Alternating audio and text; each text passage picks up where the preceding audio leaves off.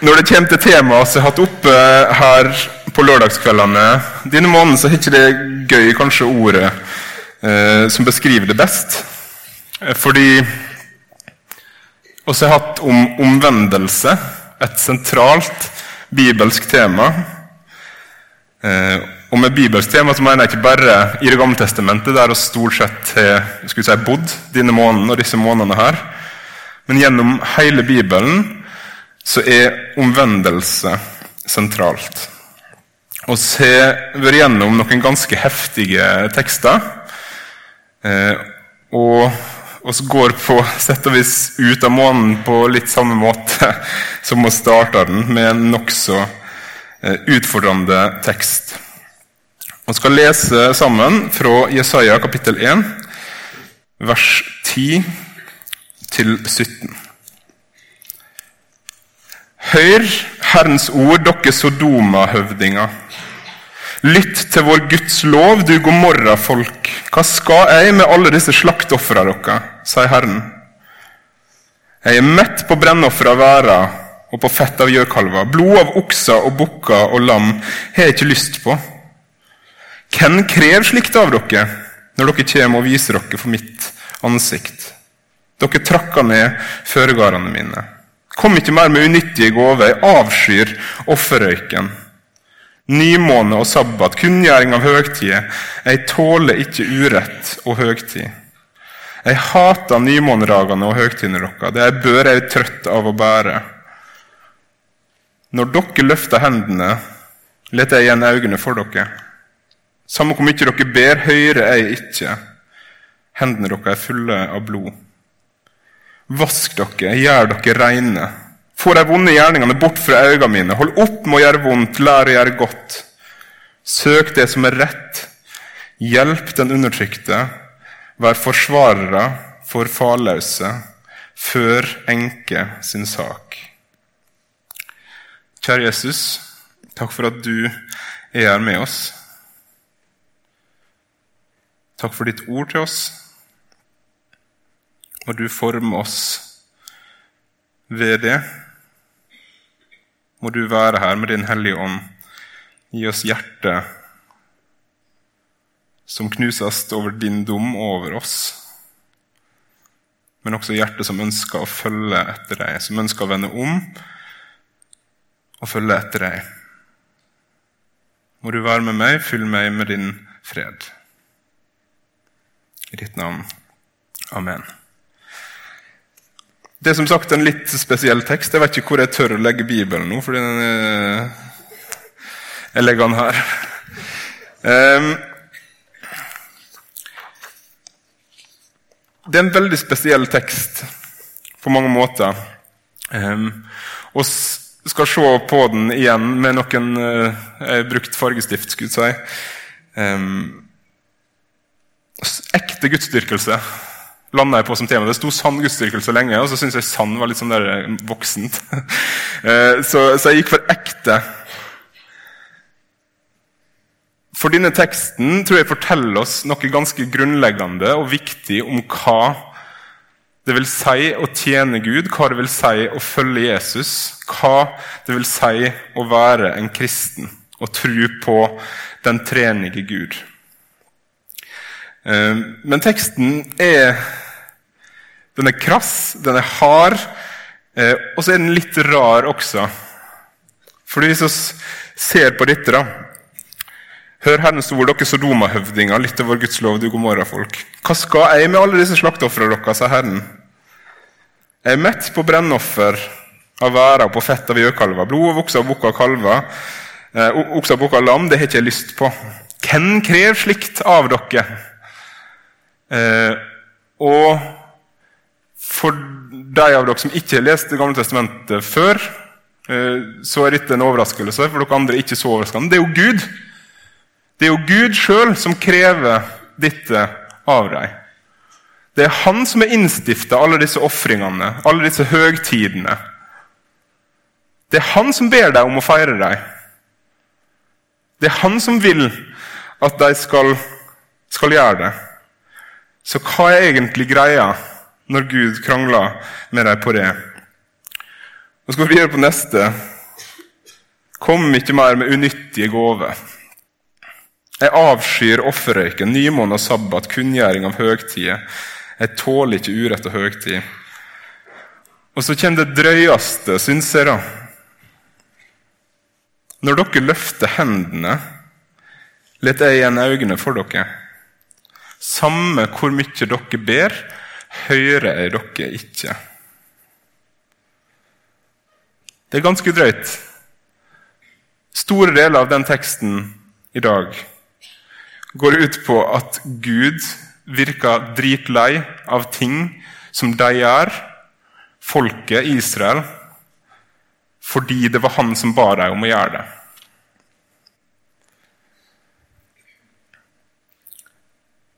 Og så er det ganske heftig, fordi offerrøyken som skulle stige opp til Gud som en velluktende ange. Avskyr Gud, sier han. Høgtidene som Gud innstifta, hater Gud.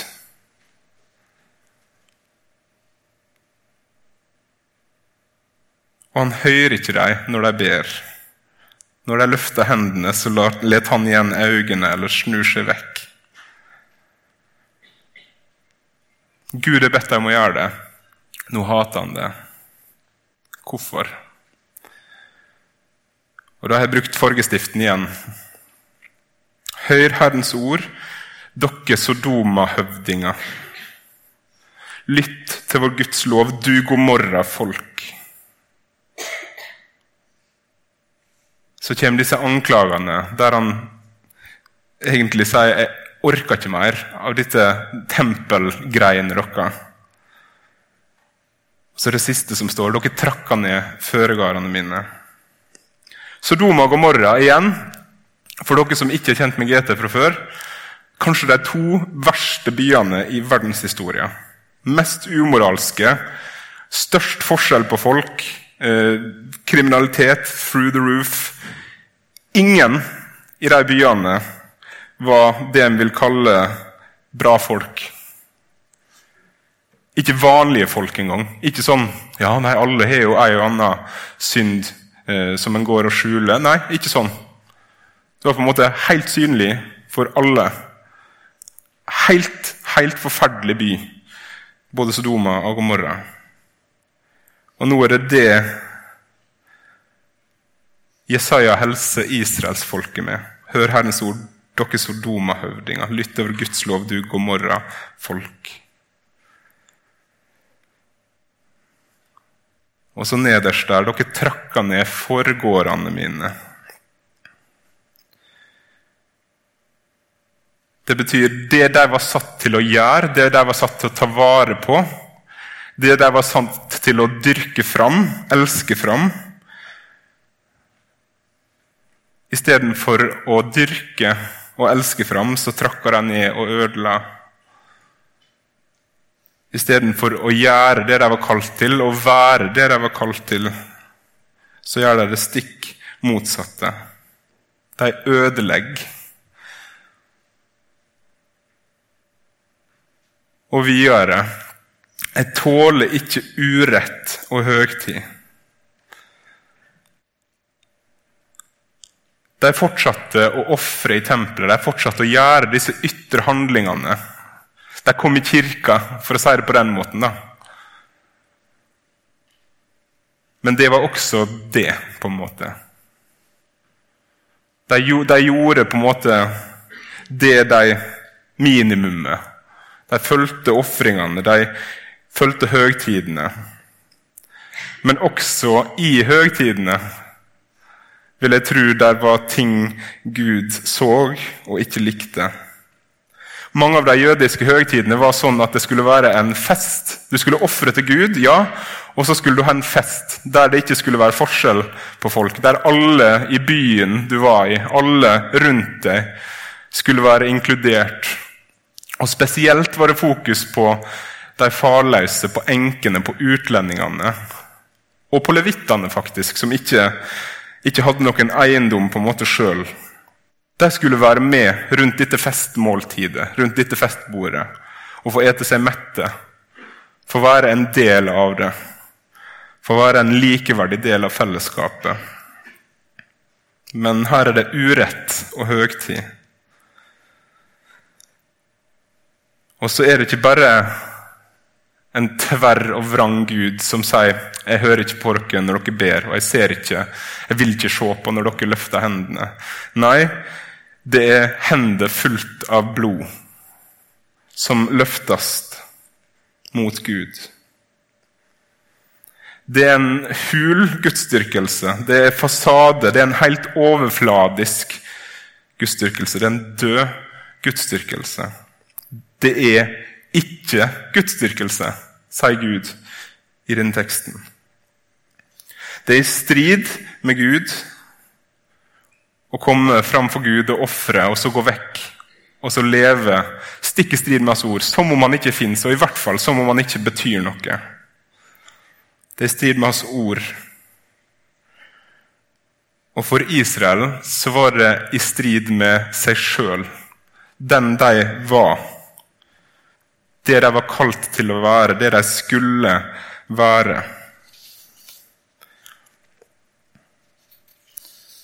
Når Moses fører folket ut av Egypt, på grensa til landet, og skal starte i 5. Mosebok og så gå til 2. Mosebok,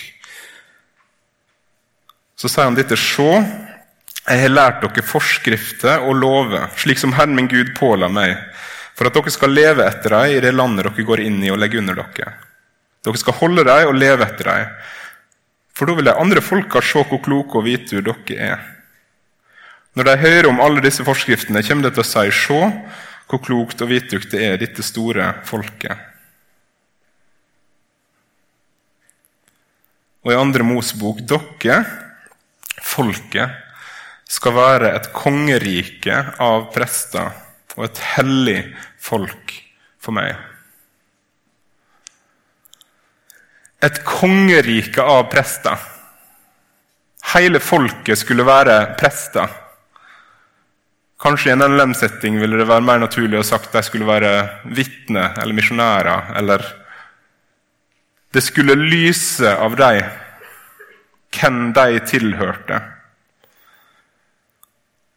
Guds bud til dem, og at de fulgte dem, og hvordan samfunnet da fungerte, skulle lyse og vise for folkeslagene at Israels Gud er en god Gud.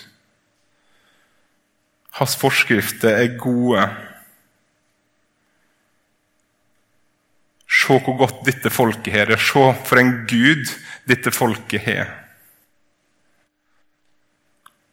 De skulle være et lys for folkeslagene rundt. Men i stedet så har de svikta. I stedet er de blitt mørke. Hos dem er det ikke nestekjærlighet som preger hvordan de lever, men det er sjølhevdelse. Det er ikke legedom og hjelp, men det er mord og ran. De hjelper ikke, de dyrker ikke, de bygger ikke opp, men de trakker ned og ødelegger. Og så beholder de en sånn minimumsgudsdyrkelse. Der de kommer inn i tempelet, ikke bare som vanlige folk som prøver så godt de kan, men som folk som aktivt har valgt å følge sine egne lyster og gjøre som de sjøl ville og så best, istedenfor Gud. Og så går de likevel inn i tempelet og løfta sine blodige hender og forventa at Gud skal være med dem.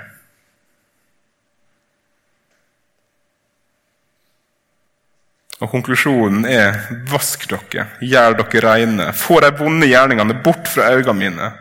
Hold opp med å gjøre vondt, lær å gjøre godt. Søk det som er rett, hjelp den undertrykte, vær forsvarer for farløse, før enke sin sak. Så er spørsmålet hva har dette med oss å gjøre? Israelsfolket 700 år før Jesus kom, som ble ført i eksil. Er anklagen mot deg relevant for oss? Og Jeg veit ikke hvordan du opplevde det når jeg las den teksten i starten. Jeg opplevde det i hvert fall sånn at den anklagen traff meg.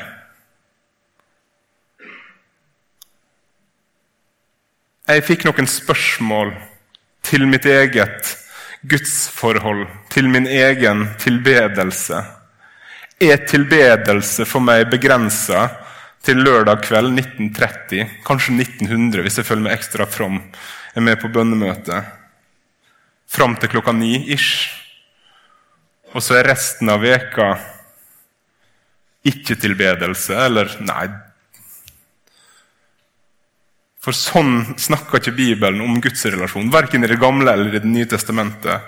Jon Kjetil las forrige helg fra Hosea der det også var snakk om disse ofrene som Gud har bedt dem å gjøre. Og så er, er, Gud så tydelig i Hosea, og egentlig det samme her i Isaiah, på at det er ikke det jeg er ute etter. Hvis dere har tenkt at først og fremst så er det offerhandlingene og høgtidene som er viktige, mens alle de andre 300 dagene i løpet av et år revnende likegyldig, trenger ikke ha noe noe med meg å gjøre da. Så lenge dere kommer hit på julaften, så er jeg, så er jeg godt fornøyd. Hvis tilbedelse bare er her, så er vi bomma. På Skiviken for noen uker siden så snakka vi om Jakobs brev. Dere må gjøre det ordet sier, og ikke bare høre det, sier Jakob. For hvis vi bare hører og hører, og det aldri fører til at vi gjør noe hva er oss da, egentlig? Hvis oss er sånn, så lurer oss oss sjøl, sier Jakob. Beklager alle ossene på rad der. Oss lurer oss sjøl. Akkurat sånn som israelsfolket hadde lurt seg sjøl til å tenke Gud er med oss hvis oss bare gir han noen dyr. Drep noen dyr, og så er det Gud. Nei, han vil ha mer, han krever mer, han ser til hjertet, ikke til handlingene. Det er relevant for oss. Og det kallet som israelsfolket hadde, og som de hadde svikta De skulle være et kongerike av prester, et lys for folkeslagene. Det er også gitt til oss. 1. Peters brev, kapittel 2. Men dere, altså menigheten, er utvalgt ett, et kongelig presteskap, et hellig folk, et folk som Gud har vunnet, så dere skal forkynne hans storverk. Han som kaller dere fra mørket og inn i sitt underfulle lys. Dere som ikke før var et folk, er nå blitt et folk. Dere er Guds folk. Dere som før ikke fant miskunn, har nå funnet miskunn. Og videre i Filippe-brevet og i Efeserbrevet, så gjelder det bare at dere lever et liv som er Kristi evangelium verdig. Og I Efeserbrevet så legger dere på hjertet, ei som er fange for Herrens skyld, at dere må leve et liv som er verdig det kallet dere har fått. Mildt, ydmykt og tålmodig, så dere bærer over med hverandre i kjærlighet. Oss er et kongerike av prester nå. Oss er det kongeriket som skal lyse for folkeslagene, som skal vise, ikke bare med ordene våre, men med hvordan oss er med hverandre, med hvordan oss er på arbeidsplassen vår, med hvordan oss er når vi møter noen som trenger noe som er i nød. Da skal vi vise hvem oss tilhører hvem Jesus er.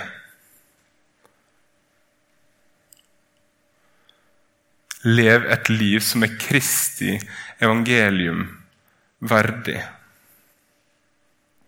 Om du ikke ble utfordra av Jesaja-teksten, så er den lille setninga helt sjuk. Hvordan? Men det er det Paulus ber oss om å strekke oss etter. Lev et liv som er Kristi evangelium verdig. Sagt på en annen måte lev på en sånn måte at det virker som at Jesus faktisk var den han sa han var. og at du faktisk tror det. Lev på en sånn måte at folk nesten skulle tro at Jesus hadde dødd og stått opp igjen for deg.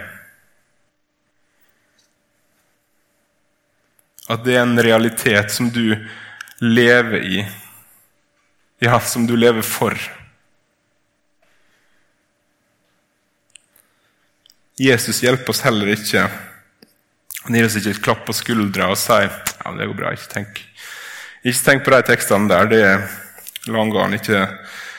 Ikke la deg utfordre av noe, for all del. I stedet sier han, vil noen følge etter meg, må han si nei til seg sjøl, ta korset sitt opp og følge meg. For den som vil berge livet sitt, skal miste det. Men den som mister livet sitt for min skyld, skal finne det.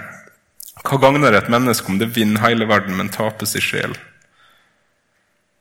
For menneskesønnen skal komme i herligdommen åt far sin sammen med englene sine, og da skal han lønne hver og en etter det han har gjort. Og i Johannes 14.: Den som har buda mine, og som holder dem, den er det som elsker meg.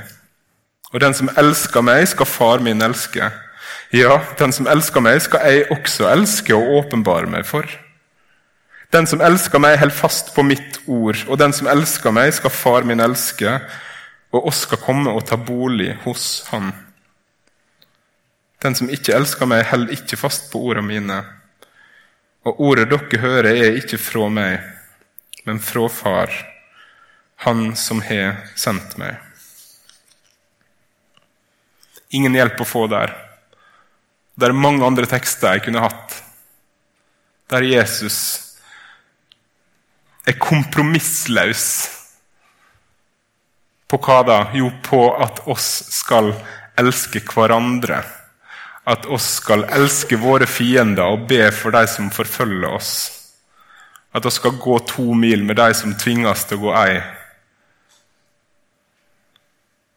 Hvorfor? Fordi han var sånn. Fordi det var sånn han var. Han gikk helt til korset for å kjøpe oss fri. Han er vårt forbilde. Han er den også kalt til å følge etter. Og hvis vår tanke om tilbedelse, hvis også vår tanke om gudsdyrkelse da begrenser seg til to timer lørdag kveld eller to timer søndag morgen. Og hvis oss tror at oss her, på en måte med våre løfta hender, kjøper oss ei veke til der oss kan leve akkurat sånn som oss vil, og drite i alt det som har blitt sagt ifra Guds ord, eller for den del alt som har blitt sunget i de sangene vi synger, så er vi misforstått. Så er kalt til å vende om og følge etter. Og så er kalt til å si nei til oss sjøl og si ja til noe annet.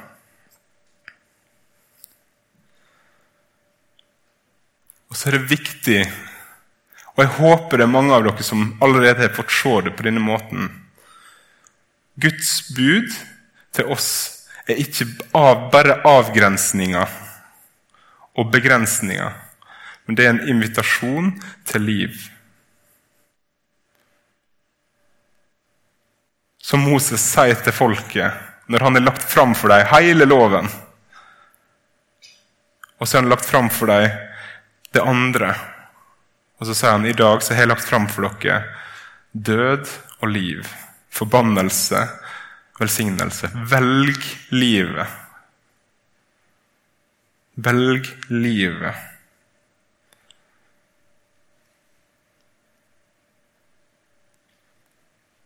Så dette verset, disse versene Vask dere, gjør dere reine. Få de vonde gjerningene bort fra øynene mine. Hold opp med å gjøre vondt, lær å gjøre godt. Søk det som er rett, hjelp den undertrykte, vær forsvaret for farløse, før enke sin sak. Det taler til oss.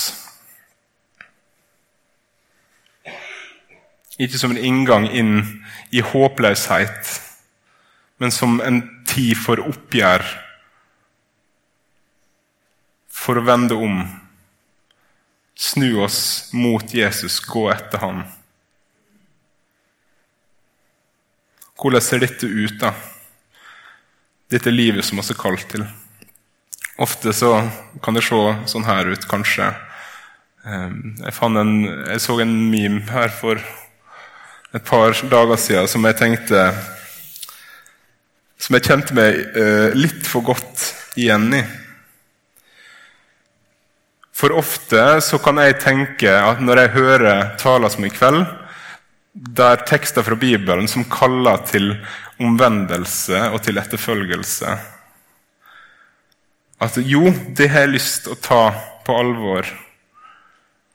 Og så tenker jeg at å ta det på alvor det ser omtrent sånn som det der ut.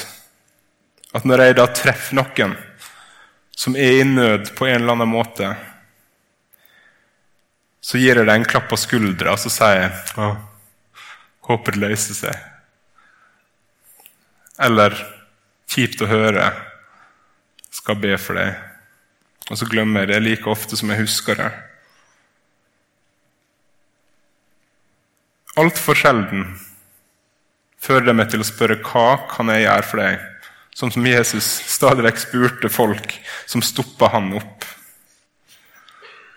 Altfor sjelden fører det til et eller annet praktisk. Noe som faktisk hjelper denne personen med det den trenger hjelp til.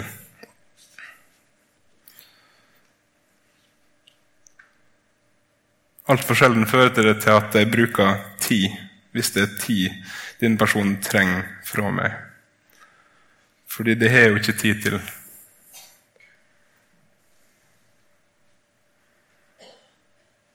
Oss er kalt til å være bedre enn det. Oss er kalt til å være et kongelig presteskap. Kongelig fordi oss er kongelige sønner og døtre av Gud brødre og søstre til Han som er kongenes konge. Et kongelig presteskap som vitner om hans storverk i ord og gjerning. Også kalt til å vise miskunn, og så kalt til å vise kjærlighet. Og så kalt til å vise omsorg og gi hjelp. Og så kalt til å ikke trakke ned, men dyrke, så bygge opp og så kalt til tålmodighet ydmykhet. La oss be. Kjære Jesus. Tilgi oss vår likegyldighet overfor andre menneskers nød. Tilgi oss alle de gangene vi har tenkt nei, det virker stress. Når noen virker som de trenger hjelp. Tilgi oss for alle de gangene vi trekker oss unna av frykt for at det her skal få noen form for implikasjoner på mitt liv. Tilgi oss alle de gangene oss har trakka på andre, trykt ned andre for å kunne løfte oss sjøl opp.